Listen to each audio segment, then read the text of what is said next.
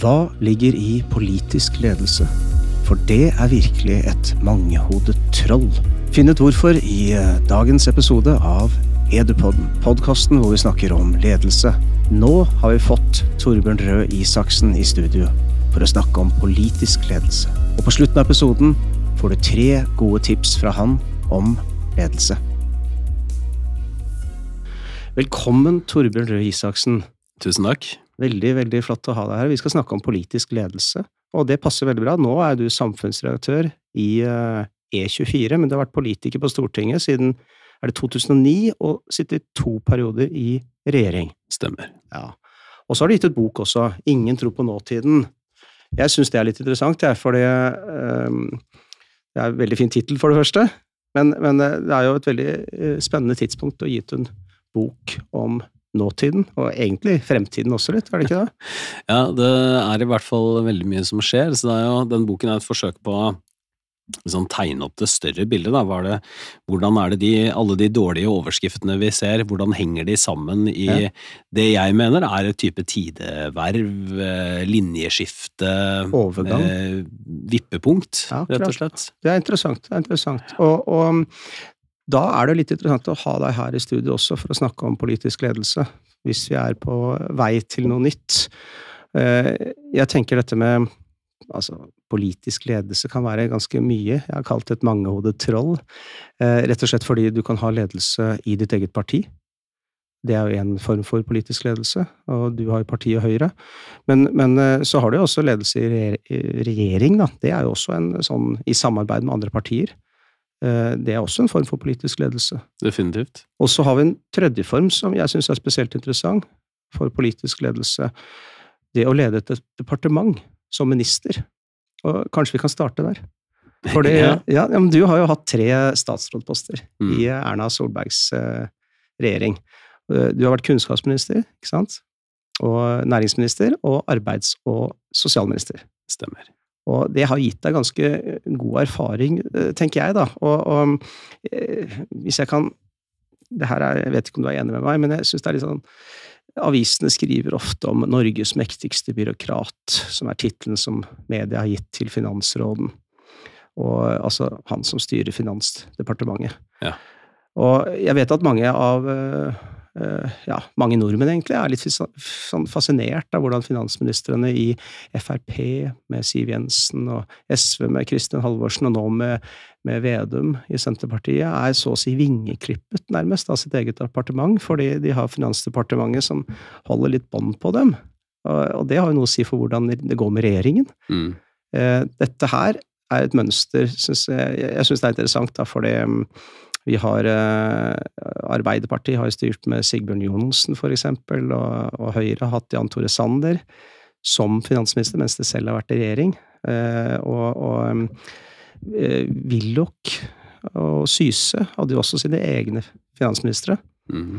Eh, og Arbeiderpartiregjeringen også, da. Men Bondevik, han starta vel med det der, tror jeg. Og hadde um, Per Kristian Foss og Gudmund Restad. Ja, altså at det er et annet parti enn statsministerpartiet? Ja, ja. som har mm. denne viktige finansministerposten. Ja. Men så har du da departementet, og jeg tenker når du kommer inn, hvordan er det egentlig å komme inn som politiker og overta et departement på denne måten? Er det, er det, veldig komplisert, eller? Uh, ja, det kan det jo være. Uh, og du peker jo litt på det i, um, i introduksjonen din av forskjellige deler av politisk lederskap, for at politisk ja. lederskap vil jo da være Altså En ting er de for, forskjellige formelle rollene. Regjeringsmedlem hvis man er i regjering, partimedlem, kanskje med i styret i et parti, eh, stortingsrepresentant etc. Men så er det jo også eh, en komplisert rolle på den måten at eh, man eh, skal som statsråd så skal man jo både da håndtere noe som er innad, altså man må jobbe med et departement og et embetsverk og et byråkrati, samtidig som du også skal uh, være en figur utad, altså en debatterende, synlig, engasjert politiker. Uh, og, og, du skal forsøke å forene da denne embets- eller systemlogikken med en type politisk logikk. Så, uh, og der er nok ikke, Jeg vil nok ikke si vingeklippet om finansministerne, for det er, noe, det, er ikke noe, tvil om sånn i bunn og grunn at politikerne styrer systemet. Okay. Men eh, ja, nei, det, ja. ja. Nei, det, det mener jeg det ikke er noe tvil om. Mm. Men, men systemet, altså departementene har jo også um, faglig Har også ståsteder som, er, som bunner i deres faglige analyser. Eh, Og som heller ikke er apolitiske, altså de er ikke partipolitiske, men de, er, de, er, de, har, eh, de har et faglig opphav. Da, ikke sant? Så Det betyr f.eks. at Finansdepartementet vil klassisk være opptatt av at man ikke skal bruke altfor mye penger. Ja, ikke sant? Og så er det fullt mulig å, å, å, å tenke seg en finansminister som kommer i Norge og sier at ja, men det blåser jeg, vi, vi kjører på, vi bruker masse mer oljepenger enn vi gjør i dag, på alle mulige gode formål. Det, det har, vi, har vi for øvrig gjort de siste 10-15 årene uansett. Ja.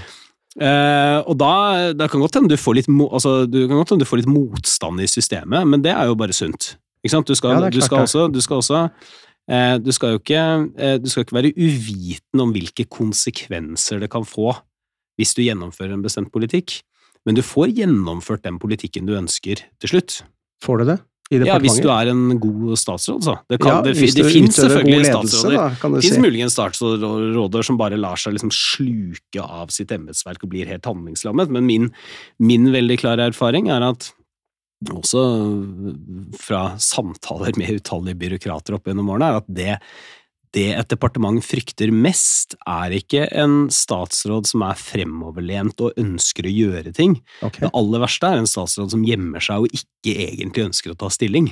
For det, det, det, det fins også. Det finnes også. Ja, ja. Og det er vanskelig for et embetsverk å håndtere, for da får du ikke, da får du ikke engang den liksom, daglige fremdriften. ja. Har du mange system. politikere da, som er kanskje mer opptatt av bare å være i mediene og, og ikke og, og, Eller som kanskje er for idealistisk orienterte. De kjenner, altså Ferske politikere som ikke vet hvordan det fungerer i departementene. Ja, men Det kan jo være veldig forskjell fra departement til departement. Altså, dette er jo, selvfølgelig er det ett departementssystem, men det er jo også ulike organisasjoner med noen fellestrekk, selvfølgelig. Det kan ligne litt på et konsern, da, på en eller annen måte. Ja, ja. Men med, med også veldig spesifikke kulturer og faglige kulturer internt i hvert enkelt departement. Selvfølgelig. Ja, Og så er jo noe av det som kjennetegner det norske politiske systemet, som også er noe som er eh, en, en styrke, da, det er at når en eh, regjering samles, så skal den regjeringen ha Du skal ha fått alle de ulike faglige perspektivene. Selv om, ikke, selv om det kanskje ikke er noen rundt bordet som mener det, så skal det faglige perspektivet fram. Ja. Så det betyr at, eh, Og det, faglige perspektivet er veldig annerledes hos Olje- og energidepartementet kontra Klima- og miljødepartementet. Det vil jeg tro. Ja. Og, og det er ikke sånn at det blir teknokrati fordi byråkratene sitter på ikke bare mye faglig kunnskap, men de sitter jo også på eh, en eh, rutine og en måte å gjøre ting på. Som eh, Jeg tenker på for mange år siden så var Yes Prime Minister Mm. det var jo et veldig morsomt program også for nordmenn, for å Mm. vite, vise hvordan der kommer de politikerne inn, eller den um, In the Thick of It, var det vel det het. Mm. Den, altså, de, um, disse TV-seriene fra England som viser hvordan politikerne kan ha de beste intensjoner, men alt blir bare Mm. trenert av et Ja, det- veldig smart smart departement. Ikke sant? Og det, det er klart, det, det fanger jo, som all god satire, da, så fanger det jo noe. Hvis det var liksom fri fantasi, så ville det jo ikke vært noe interessant. Og det er masse historier, og det er vandrehistorier om, om nettopp den liksom, motstanden man kan møte i et uh, embetsverk. Men samtidig så hvis du ser på de siste 15 årene, da, eller ta den perioden i norsk politikk som du nevnte nå, så har du da altså både fått inn SV i regjering og Frp i regjering. Eh, og de partiene vil jo begge si at de fikk forme politikken. Eh, men så ble de sannsynligvis også formet av å få makt, og formet av systemet. Altså Det er ikke til å legge Ja, skjul det er bare å se på hvordan det har gått med partiene etter at de sitter i Ja, nå går det Ja. ganske bra med dem begge to akkurat nå, Ja, nå faktisk. da, men jeg tenker Men, på eh, ja. men, eh, men, men, men, men den vekselsvirkningen der, da, tror jeg er ganske sunn.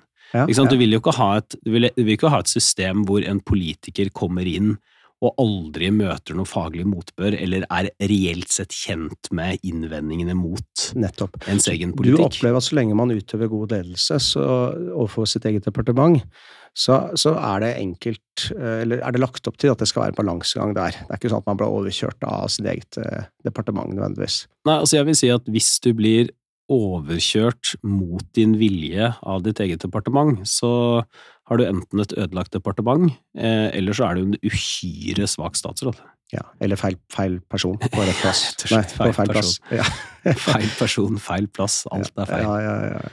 Ok, ja, men det er interessant. Og, og vi kan gå videre for å ha et lite opplegg her, da. På punkt nummer to, Sendte. Det å være ledelse i regjering er jo også interessant, syns jeg. Og jeg, jeg leste mm, litt av Åslaug Hauga sin bok I de innerste sirkler, hvor hun har en sånn herlig beskrivelse i kapittel to, tror jeg det var, om eh, noe som åpenbart har skjedd, hvor det er en skikkelse som ligner veldig på Jens Stoltenberg, som eh, drar ut et møte på kveldstid i de lange baner som går utover langt på natten, og så blir man ikke enig om det de skal bli enige om i regjering.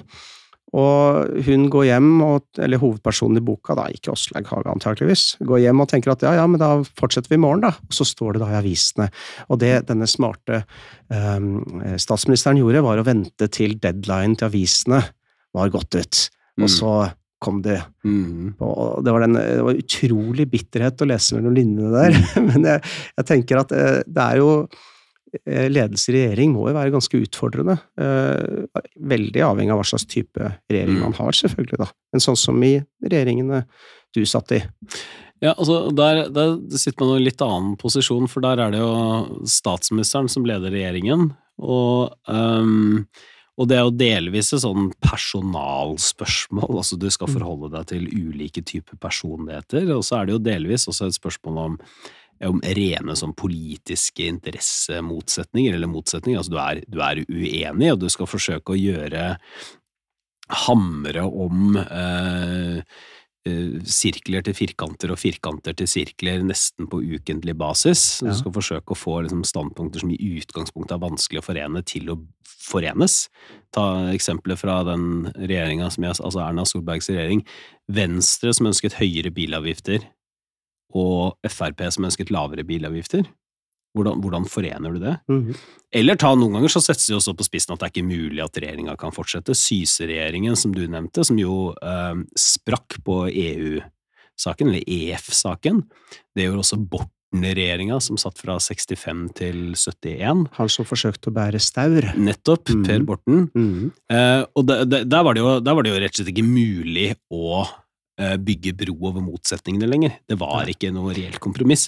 Så, så den måten å manøvrere på som statsminister for å få politisk enighet og samtidig holde bandet samla, det er en interessant studie, og det er sannsynligvis ganske store forskjeller også mellom hvordan de ulike statsministrene har gjort det. Ja, for det er interessant, og jeg ser, det er veldig interessant det du sier der om når vi ser denne høsten her med alle ordførerne som skal prøve å Eller de skal bli enige i kommunene, da, hvem som skal styre. For det, sånn som i Oslo, for eksempel, eller Bergen, og mange steder egentlig. Men, men eh, spesielt Oslo, hvor det har så Altså, politikk er jo på langt vei kompromisser, er det ikke det? Og Det er i hvert fall veldig vanskelig å, å komme unna det, for det eh, symbolpolitikk og på- kompromiss. ja, altså det er, jo, det er jo også mye reell politikk, da. Mm. Eh, Så, så er jo kanskje et paradoks sånn i offentligheten er at veldig mye av det som er den reelle politikken, altså der de store pengene går, er ikke nødvendigvis det som får mest oppmerksomhet. Nei. Eh, Så derfor blir det, og det er, det er bare fordi at sånn er vi i mediene, at vi vil gjerne ha de enkle sakene som er lette for folk å forholde seg til, og det er ofte det som engasjerer folk mest også. Som skaper debatt og Ikke følelser. så skape sant? debatt og, Ja. og engasjement. Men, um, um, men ja, hva var spørsmålet ditt? Det var, Nei, eh, nei, det er for så vidt greit, altså hvordan man skal utøve dette eh, politiske lederskapet i regjering. men, men det må Ja. være kompromiss, det er poenget mitt. Ja, fordi ja. at, eh, og det må det være selv på den tiden, hvis du leser mange av de gode bøkene som har kommet om Arbeiderpartiets storhetstid fra Mm. 45 og egentlig fram til Borten-regjeringen tar over, da, eller Kings Bay i Ja. Mm. så ser du at også internt i Arbeiderpartiet og arbeiderbevegelsen så er det kompromiss på kompromiss. Altså det, er en, det er en gigantisk stor kompromissmaskin.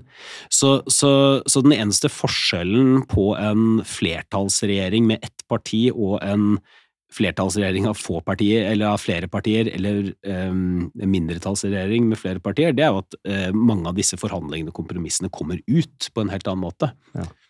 Men er det er helt umulig å se for seg politikk uten kompromiss. Altså, det, det går ikke an. Det var også et spørsmål jeg hadde, Ja. så det var fint. Og på slutten så håper jeg du kan gi oss tre råd til eh, politikere om ledelse, eller i hvert fall unge fremadstormende politikere, hvis du kan tenke litt på det. For det er litt basert på hva vi har snakket om nå. Men det, du sitter på masse spennende erfaring, og du skal vel ikke inn i politikken igjen, eller utelukker du Nei, jeg skal ikke det, altså. Det utelukker du, altså? Det utelukker jeg. Jeg har eh, meldt meg ut av Høyre da jeg gikk inn i 24. Ja, det måtte du. Har, ja, det måtte jeg. Men det var også, også riktig og fornuftig å gjøre. Ja, ja. Så jeg har ingen planer om å gå tilbake til politikken, nei. Nei, nei, det er eh, Det blir jo spennende hva som skjer nå da, eh, ved neste valg. Og nå har jo, når vi sitter her nå, har jo Erna meldt at hun skal fortsette, men det har jo vært forferdelig år for politikere, egentlig, i habilitetsspørsmål og mye. Ja. ja. Så, det det. Og eh, tilliten er vel også brutt for ganske mange. Det er så mye sinne også, med elektrifisering og vindkraft og nord og sør, øst og vest og by og land. Og det, det, er veldig mye harde eller spisse kanter, virker det ja, som. Ja, det er det jo. Og, også, men så er det viktig å huske da, at demokratiet det er kanskje en sånn forestilling, ref denne boken jeg har skrevet, som jo handler mm. litt om disse eh, tiårene vi har lagt bak oss, og hvorfor jeg mener vi står foran en grunnleggende endring nå, så, så er jo ikke hensikten med demokratiet at man skal lage sånne eh, kumbaya-studiesirkler eh, hvor alle er enige om alt. Nei, altså, det, er det, er, det, er, nødvendig med kompromiss, men ja. det er viktig å huske at forutsetningen for et kompromiss er jo, eh, er jo at det er to to synspunkter, to mm. standpunkter. Man mener genuint sett helt forskjellige ting, og det er ikke sånn at poenget med demokratiet er at uh, hvis et stadig større andel av norske befolkningen er skeptiske, kritiske til vindkraft på land, så skal det liksom dysses ned eller bli borte. Nei, hele poenget er, det, inn, sånn poenget er at det skal komme inn i systemet. Det skal få sin, få sin, stemme inn i systemet, og så må man ta hensyn til det, og så må man da kompromisse. Og så, Samtidig så må jo da eh, så vil jo den politiske debatten da måtte opplyse også om at ok, men hvis vi ikke ikke bygger ut mer vindkraft på land, så kan det ha noen kostnader knyttet til energisystemet ja. vårt, f.eks. Det samme gjelder jo det, det, som du var Da du satt i regjering, så var jo kommune- og fylkessammenslåing veldig betent. Ja. Og, og, noe ble jo omgjort også. Eh, så det er også en form for kompromisser hvor man må passe på at man ikke man skaper et inntrykk at man overkjører. Ja, altså, men noen ganger så skal man jo og det er også greit å ha med seg da, at det, det, liberale, representative demokratiet er jo ikke en evigvarende folkeavstemning. Mm. Eh, og det er eh, Jeg hører av og til folk si at eh, politikerne følger ikke folkeviljen. Eh, men det er heller ikke poenget med et demokrati. Mm. Det høres veldig brutalt ut. Nei, nei. Poenget er at du kan bytte ut makthaverne. Men det er ingen regjering som eh, kan sitte og styre basert på hva folk hva folkeflertallet til enhver tid mener, men, men, folkeflertallet tar jo da hvert fjerde år, eller andre år hvis du tar med kommunevalg, så tar jo folk da stilling til hvorvidt summen av det du får gjennom det styringspartiet, eller styringseliten egentlig, du har valgt ja, i et samfunn, om det er tilfredsstillende, eller om du vil ha noe helt annet. Og er ikke et annet poeng med demokratiet at uh, politikken skal gå i en periode til den ene siden, og så skal den gå i en periode til andre siden. Altså at eh, det, det skal gå fra høyre mot venstre politisk, eksempel. Og... Ja, i hvert, fall så er det, i hvert fall så er det jo sånn at hvis man ser Nå holder jo du på øh, mesteparten av tiden din med, med veldig gammel historie. Ja. Men hvis man ser på litt, litt, nyere politisk historie, så ser man jo at det er svingninger. Mm. Og ofte så kommer jo de svingningene også Altså, de, de, de, kommer ikke nødvendigvis fordi at Det kommer ikke først ved at man endrer mening, det kommer svingninger fordi at et eller annet har gjort at virkeligheten ser litt annerledes ut. Altså verden endrer seg litt. Ja. Eh, og det er det en, en, rekke eksempler på. Da får du, eh, og da får du et godt, sunt politisk system svarer på den type endringer. Ja, og det kan man jo faktisk måle på, om man har et sunt demokrati, rett og slett. Ja, ja. og det, det, apropos tillit, så viser jo altså det vi vet om dette i Norge, og tallene eh, tyder på at heldigvis, da, så er det sånn at folk i Norge har eh, de har de beholder til en viss grad tilliten til institusjonene, f.eks. til Stortinget, da, som institusjon, selv om de kan være veldig kritiske til de som sitter på Stortinget akkurat der og da. Og det er veldig sunt. Og det, så vidt jeg ser, så er det en viss sånn kontrast til USA, for eksempel, hvor folk hvor veldig mange sier at Kongressen, de er, de er bare øh, Vi har ikke tillit til hele det politiske systemet, det er dysfunksjonelt. Så er folk i Norge litt mer sånn at man sier at ja, men Stortinget som institusjon fungerer jo, men vi har bare ikke tillit til de som er der akkurat nå, eller ja, det, det, bringer meg til mitt tredje punkt. For det, eh, borte i USA er det jo mange som mener at eliten eller Kongressen er kjøpt og betalt av markedskrefter, eksempel. Og du har jo en fortid i partiet Høyre, eh, hvor det også er mange som um, kanskje er litt mer uh, tilhengere av globalisering, uh, i en liberal, konservativ forstand, enn du finner i mange andre partier, som, hvor man snakker mer om å verne om ressurser, eksempel. Og, og, merker du noe sånn at uh, mange i Norge trekker paralleller til USA og sier ja, men alt er kjøpt og betalt? Satt litt på spissen, da. Ja, altså jeg, jeg, tror du vil finne uh, Vi finner helt sikkert anklager om det i Norge også. Nå må jeg si at eh, nå, jeg, jeg, nå sitter jeg på en annen side av bordet, så jeg vil jo si at jeg, mener ikke at norsk politikk er kjøpt og betalt, bare så det er sagt. Det mener jeg er en, en, en gal spissformulering. Men jeg mener at det er viktig for pressen å ettergå ettergå koblinger og bånd mellom eh, pressgrupper, økonomiske interesser og politikken. Ja, for... Men vi har jo et veldig annet system i Norge. Det er, ikke, det, er ikke, Selv om et parti som mitt gamle parti Høyre får jo en del pengestøtte også fra næringsaktører. Høyre får det. Eh, men det er eh, pengenes rolle i amerikansk politikk er annerledes enn ja. i Norge. Mm. Um, er, og så er jeg ikke helt sikker på altså, jeg, jeg tror den, den denne liksom vel Jeg syns ofte den globaliseringsdiskusjonen blir litt sånn abstrakt.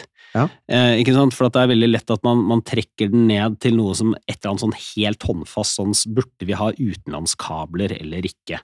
Ok.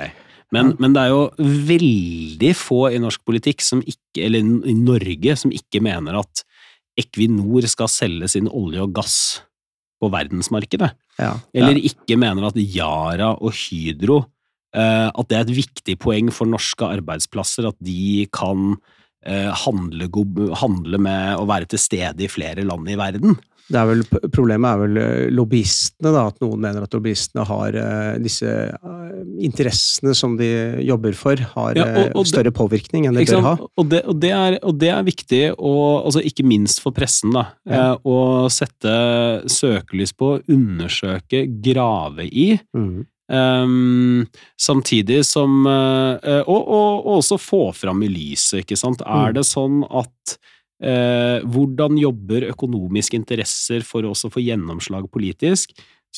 Så, og, og, så, så, er det nok sånn at ofte så er det vanskelig Jeg tror det er vanskelig å liksom, presse gjennom gjennomslag som ikke politikerne ønsker, men ofte så kommer jo disse resultatene fordi at politikerne er enige. Ikke sant? Altså, ja, ja, du skal ikke så mange år tilbake før dette skrev E24 om senest uh, forrige uke, hvordan for bare noen få år siden så var det jo en hallelujastemning i norsk politikk for vindkraft, eksempel. Mm, mm. Uh, og man var veldig opptatt av at dette kunne gi både arbeidsplasser og grønn energi, og liksom alle var Nesten alle var fornøyd, og så kom det en sånn voldsom folkelig mobilisering mot det.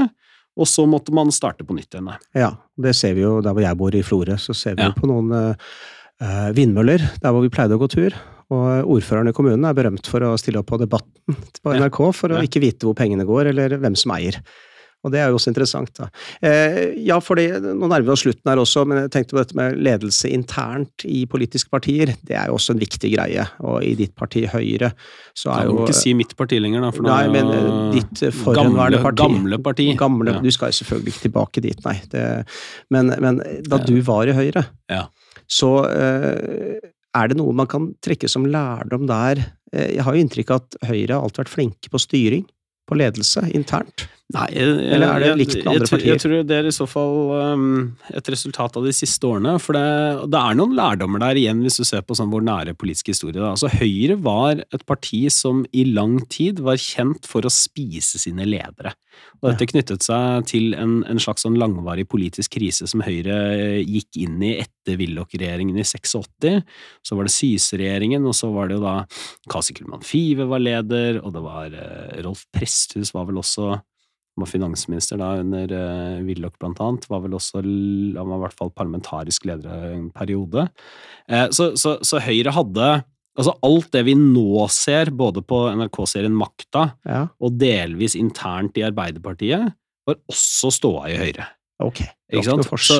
Så, så, og, og, det var i en periode hvor Gro Harlem Brundtland var helt uovertruffen som leder i Arbeiderpartiet. Altså det viser jo bare at dette veksler. Ja. Eh, og det er nok eh, Det er nok Eller jeg tror i hvert fall ikke at det er at det er mulig å, lage en partikultur i noe parti ja. som er avsondret fra muligheten for den type maktkamper. Ja. Og Grunnen til det er rett og slett fordi at det, det, politikken handler også, også om makt og posisjoner. Eh, og der det er makt og posisjoner i spill, så, så vil det også automatisk kunne oppstå dårlig maktkamp. Da. Ja. Og det er det vel alltid til enhver tid. Maktkamp internt i politiske partier. Ja, men kanskje ikke så...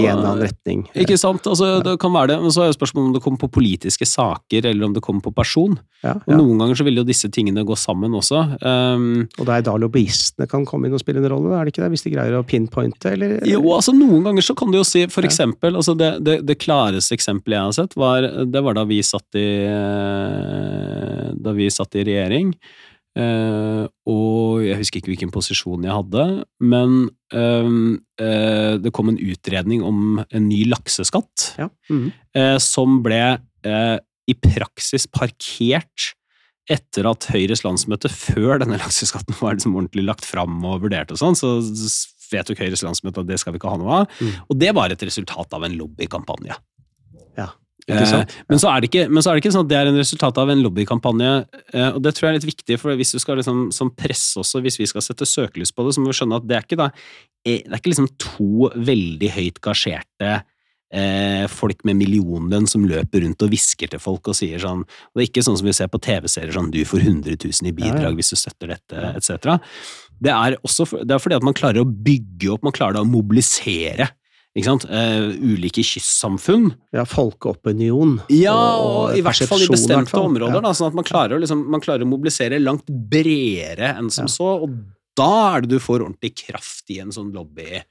Ja, så er, er sånn det gjøres, altså. Ja, og det går utover lederskap, da, det vil jeg tro. For det er... I hvert fall så er det et, et lederskapsoppgave, og man kan jo ikke uh, Hvordan man skal håndtere det, da. Ja, ikke sant. Ja. Rett og slett. Eh, du, en, en, siste ting, det er også å lede landet, rett og slett. Det er jo også en ting uh, innenfor politisk uh, lederskap. Og, og opplever du at pressen, som jo har, eh, er jo sitt ansvar bevisst i Norge, men opplever du at de kan styre handlingsrommet? At mange politikere, spesielt når de er ferske og litt uerfarne, kan være nesten, ha litt berøringsangst for å snakke om saker, for eh, de er rett og slett eh, redde for alle disse ulvene som kan ja. komme og skrive stygt om dem? Ja, det tror jeg det er, det, sånn, sånn, er det for en del. Ja, Så mot um, kanskje viktig og, hos Og det er klart, pressen har pressen har også veldig mye makt. Mm. Så er det samtidig sånn, da, som eh, kollega Fridtjof Jacobsen fra Dagens Næringsliv sa på Dagsnytt 18 for ikke så lenge siden, at hvis pressen hadde hatt så mye makt som en del sier, så ville jo ikke Erna Solberg blitt sittende. Eh, så omkvedet, særlig i rikspressen, var jo at dette var så alvorlig at Erna Solberg burde trekke seg. Så, så det er en begrensning der også, men at pressen har en, har en egen har er en maktfaktor. Helt åpenbart at det kan være skummelt for en del, og det gjelder også i næringslivet. Det, men der er det jo en av de tingene som, som, skiller politikken fra andre deler av samfunnslivet hvor man skal bedrive lederskap, det er at det er, en, det er med nødvendighet en fremskutt offentlig posisjon. Du kan selvfølgelig gjemme deg litt, men du, du må på en måte ut. Ja, og da må du kanskje trives å stå på en scene, da, for eksempel, og ikke være redd for å stikke huet ut, eller du må ja. ha kanskje litt uh, tykk hud. Det fins, eh, ja i hvert fall så kan det være en fordel, det, det, men det fins veldig gode styringspolitikere, og særlig i norsk historie, altså, som, som, egentlig mistrivdes dypt og grunnleggende på en scene. Ja. Altså ta igjen NRK-serien Makta, da, som gir alle en, en repetisjon om man har glemt det. Trygve Bratteli, for eksempel, som er en av de store tenkerne, eh, strategene, politikerne i arbeiderbevegelsen, men som, som var eh, kjent for å ikke, ikke trives spesielt godt i eh, rampelyset Eller å være mm. på ingen måte noen folketaler, ikke sant? sånn som Reiulf Steen for eksempel var. Ja, men du, på det punktet, og nå er vi på avslutningen, så jeg skal spørre deg om tre råd til unge, fremadstormende ledere i politikken. Men eh, som leder så skal man ta vare på sine ansatte. Og jeg ser jo stadig vekk i mediene, og nå også denne uken, om eh, politikere som eh, Hvor det kommer fram at de har slitt mer av å stå ute i det. Eller eh, alt det, dere, da du var politiker, alt, man, man tenker på 'herregud, åssen tåler dere det?' På alle bauger og kanter, ikke sant? Og det er jo Jeg, jeg har jobba i psykiatrien, og jeg vet at det er Du skal ikke ta med deg pasienter hjem. altså i hodet. Mm. Du skal legge den på jobben. Du, skal, du, kan ikke jobbe døgnet rundt, og du kan ikke jobbe for lenge med det heller. Og ha hodet ut til å stå i stormen. Um, hvor viktig vil du si det er om ledelse internt i partiet, og ta vare på, ivareta disse Er det noe sånn system hvor man ivaretar politikere, spesielt yngre, som, som rett og slett får seg smell etter smell etter smell? Og... Nei, nei det, de, i veldig liten grad. Okay. Det, men jeg tror det, er, det har kommet mer, og bare, bare, siden jeg startet i politikken, nå er det nesten 20 år siden, da, ja. Eh, så er det nok mye mer bevissthet rundt det enn før. Jeg tror eh, som gamle holdningen var at dette må du bare Sånn er det. Det er tøft å være politiker. Det er ikke det er ingen som syns synd på en politiker, og det, på en måte skal det jo heller ikke være det. Nei, det så du sant. får bare bite tenna sammen og fortsette. Ja. Um, og så, eh, så tror jeg nok i dag er noe mer sånn oppmerksomhet rundt det, bevissthet om det, at man driver litt, bitte litt i hvert fall, sånn moderne hårarbeid også i partiene.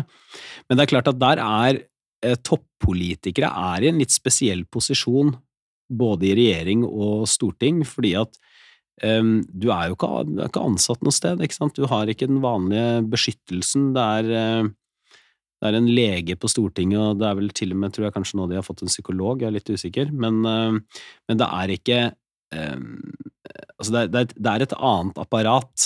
Altså, man regner det som en del, en del av jobben til en viss grad. Så det der Eh, den delen av lederskap som handler om å ta vare på sine ansatte. Og, og se mennesket og, og, være der for en person, og kanskje se når en person sliter, den er ikke der i så stor grad til stede Nei, i, internt i politiske partier. Eh, det er i hvert fall mitt veldig klare inntrykk, ja. uten at jeg føler jeg har blitt dårlig ivaretatt eller håndtert eller noe sånt, men mitt klare inntrykk er nettopp at det det regnes nok litt mer som en sånn occupational hazard, ja. som amerikanerne sier. Skaper ikke det bare kyniske mennesker med altfor tjukk hud som mister medfølelse? Altså, det er i hvert fall mulig å justere litt på det, men samtidig så er det jo så må det balanseres opp mot at det å være folkevalgt og politiker er mm. jo et, det er et ansvar du slåss for å få, det er en makt du slåss for å få, og det betyr også at en del ting som vi ikke mener at andre selv ikke ledere, altså i andre virksomheter, skal stå i. De må du stå i, mm. Eh, på en annen måte. Eh, men jeg tror også for øvrig at mange ledere, både fra offentlig og privat sektor, kjenner seg igjen i at er Vi lever i et samfunn nå som er mer gjennomsiktig, på godt og vondt, og det betyr også at selv selv vanlige virksomheter i offentlig og privat sektor må være forberedt på at det kan komme offentlighetens søkelys på for eksempel bitre interne konflikter. Ja, ja, og det tror jeg er litt annerledes. Jeg tror det har blitt mer av det enn det bare for 15-20-30 eh, år siden. Ja, det skal jeg være veldig enig med deg i. Det ser vi ikke minst nå i nyere tid, med mange som får smeller, og, mm. må, og så er det forventet at man skal stå i det. ikke sant? Ja, ja. Du, eh, helt til slutt, eh, jeg, har litt lyst til Vi pleier med gjestene som kommer hit, og spørre om tre, tre, råd innenfor politisk lederskap her, da. Og jeg tenkte kanskje vi kunne Det er jo 18 år eller noe sånt siden du kom inn på Stortinget, er det ikke det? Mm, eller Ja, 2009, hvor lenge er det? 2009, ja, det er ikke, ja, Men jeg, startet, jeg ble heltidspolitiker i 2004. Så. Det er 18 år siden, cirka. Eller nesten. Og, og, ehm, da du var fersk i politikken, er det, er det, ting du har lært som kan være fint å gi videre, nå som du er utenfor politikk? Ting som du ja, altså, jeg, liksom har jo, jeg har jo noen veldig ehm, jeg har, jeg har, eh, utviklet og gjorde det eh, særlig da jeg ble statsråd, noen veldig sånn, bestemte og klare tanker om hva god ledelse er, gitt hvem jeg er. Ja. Og det tror jeg man alltid må gjøre. Så det, så det er kanskje det første rådet. Det er jo at eh, man kan selvfølgelig altså inspirere av andre mennesker, man kan altså inspirere av mer sånn generelle ledelsesfilosofier og sånn, men du må jo bygge mye av dette rundt hvem du er som person også, eh, og hva som er dine egne styrker og svakheter. Og så er den, den andre lærdommen, det, det er at um, jeg uh, Jeg har alltid uh, fulgt det rådet at, for meg selv at hvis du eh, Hvis du prøver å Hvis du er en person som går liksom ambisjonene dine utenpå, eh, og har spissa albuer, og det er veldig tydelig at du bare skal opp og fram, så er det rent kynisk sett mindre eh, grunn til å tro at du vil komme opp og fram. Å, ja. Og det, og det, Ja. så, så, så, grunn, så, så, så det der å klare å liksom lukke seg inn og tenke sånn Jeg skal først og fremst gjøre en god jobb der jeg er nå. Og Hvis jeg gjør det, så vil det åpne seg andre dører, men det er ikke derfor jeg gjør det. Jeg skal bare gjøre en god jobb der jeg er nå. Så godt håndverk og litt flid er Ja, faktisk godt bra. håndverk, flid, Ja. og så gjøre en god jobb, for det er det som Det åpner dører mer enn uh, internpolitikk, da, og spisse albuer. Ja, ja. Ikke sant? Så jeg pleier, eller Da jeg var i politikken, så fortalte jeg ofte eksempler på hvordan da jeg kom inn i sentralstyret i Unge Høyre for første gang, da ble jeg valgt enstemmig. Og da var det veldig mye sånn så veldig kultur for sånn fraksjonering, og forskjellige fylker skulle eh, forhandle med hverandre, og hvis du støtter meg, så støtter jeg deg, og etc., etc. Det jeg hadde gjort, var at jeg hadde reist rundt i hele organisasjonen i et halvt år, år på, på forhånd, og så hadde jeg alltid, når det var lunsjer eller middager eller noe sånt, satt meg på et bord med folk jeg ikke kjente fra før. Og det vil si, hva gjorde det? Jo, det gjorde at alt det derre eh, fraksjoneringen, det ble ikke så relevant, for jeg hadde hilst på så mange av de som var på landsmøtet. De kjente meg, de trodde at jeg kunne bidra med noe, og dermed så kortsluttet jeg den prosessen. Så ved siden av å være eh, liksom hyggelig, Og og få et ord på meg som hyggelig og utadvendt, Ja, ja, som jeg til en viss grad er, ja, ja. så var det også veldig smart. Mm. Eh, rett og slett. Så det, det var et veldig godt eh, tips. Har du et siste, eller? Et siste tips det er knyttet til erfaringen min som, som departementssjef, da, eller som statsråd, og det er at ehm, når, du, når du blir leder i en organisasjon, så må du du må liksom kna deg selv inn i organisasjonen. Du må jobbe med organisasjonen for å få det beste ut av den. Så det å forsøke seg sånne eh, Jeg kommer inn enten med sånn kommandostil, eller jeg kommer inn med en, en, en, en detaljert plan for akkurat hvordan ting skal være. Og hvis du har dårlig tid? Ikke sant? Hvis du til og med har dårlig tid. Problemet er at, problemet er at det, du må ta deg tid til å kna deg selv inn og jobbe med organisasjonen. Lage, forme den kulturen du vil ha, fordi at eh, hvis ikke så får du ikke heller de resultatene du, du trenger på sikt. Og det betyr også, ikke sant, apropos det vi startet med, sånn kompromisser eller hva er det systemet møter deg med, eh, så betyr det også at du noen ganger må, du må jenke lite grann. Du må er ikke dette noe sånn eh, art eh, krigens kunst? Sun Tzu, ja. Sun Tzu. Mm. At du, du tar Du må gjøre noen taktiske tilbaketrekninger av og til. Mm. Fordi at du skal ha det strategiske fremskrittet. Ja, fordi du snakket om å eh, trekke et eh, Den kulturen du vil dra. Men det kan jo være at de har jo en kultur der allerede, så når du Ja, sier kna altså, inn Men ta, ta, et eksempel. Altså, hvis du ønsker en kultur hvor du får reelle diskusjoner og motforestillinger fordi at du skal være best mulig forberedt på å ta de beslutningene du må ta, mm. så tar det litt lengre tid enn hvis du bare bestemmer og skjærer ned. Det, blir det blir et litt lengre møte hvis reelt sett folk skal få si du skal ha en reell diskusjon om noe. Ja. Men veldig ofte så er det verdt å bruke den tiden fordi at du får en du får bedre resultater, du får en bedre politikk i politikken, eller bedre resultat for virksomheten eh, på sikt, og du får en annen kultur enn hvis du bare har sånn 'nå kommer jeg inn med løsningen også for alle applaudere'-kultur. Ja, det syns jeg er veldig fint å avslutte med, for det betyr jo også at fag er eh, viktig. Og eh, flid også, sier du, så det er jo veldig bra. De gamle dydene. Ja, Flid. sant. Det er helt klart.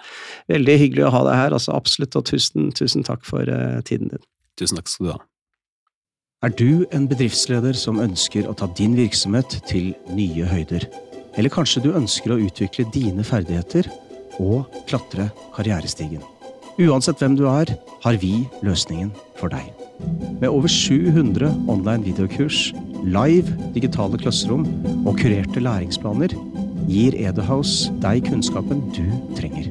Vi skreddersyr læringsopplevelsen uansett hvilken vei du velger å gå. Vi er din partner på veien til kompetanseheving. Våre coachingprogrammer gir deg den personlige støtten du trenger for å nå dine mål. Gå til vår nettside på eduhouse.no i dag for å utforske vårt brede utvalg av kurs og tjenester, og start en gratis prøveperiode.